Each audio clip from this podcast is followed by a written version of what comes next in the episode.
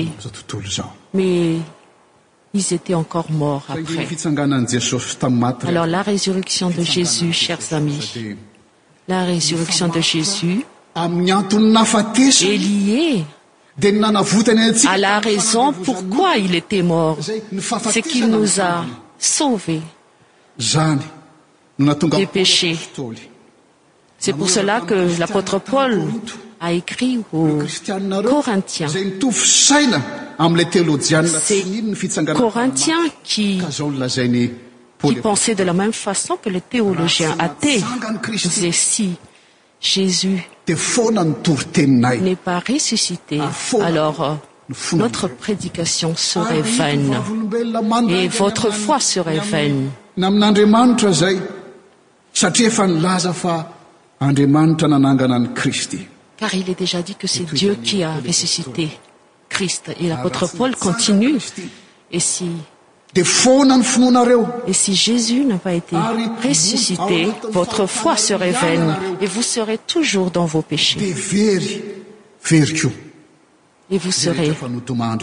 het ceux qui étaiet déjà morts seraient prus assi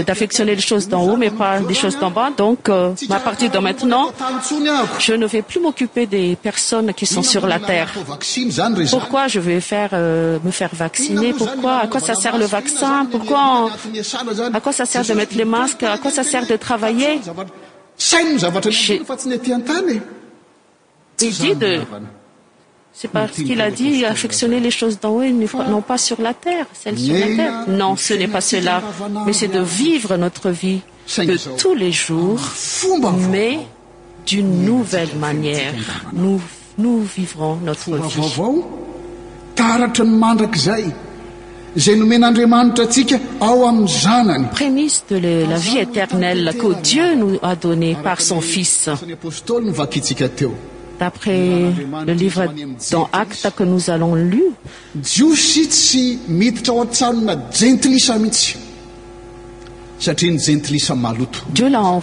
ayé dans ue so d'un on-juif et cela ne se fait pas du tout orme et les ifs craignent d'araperles euh, salissurs des on-ifset c'est làqe pir a dit je voi mat d qe dieu nefait pa de fvoti ésus qui a été mort il apporte le salut à ceux qui croient en lui qu'il soit juif ou non juif et c'est ça la bonne nouvelle chers amis c'est cela que la mort de jésus ainsi que sa résurrection nous apporte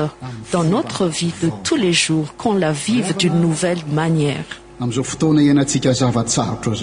et dans ces moments difficiles chers amis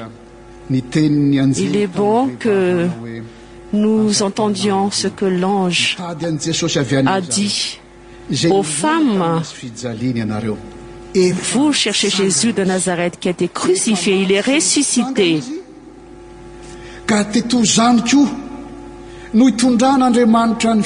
c'est comme cela ausi queque dieu dirigera votre vie et cela donne une espérance chers amis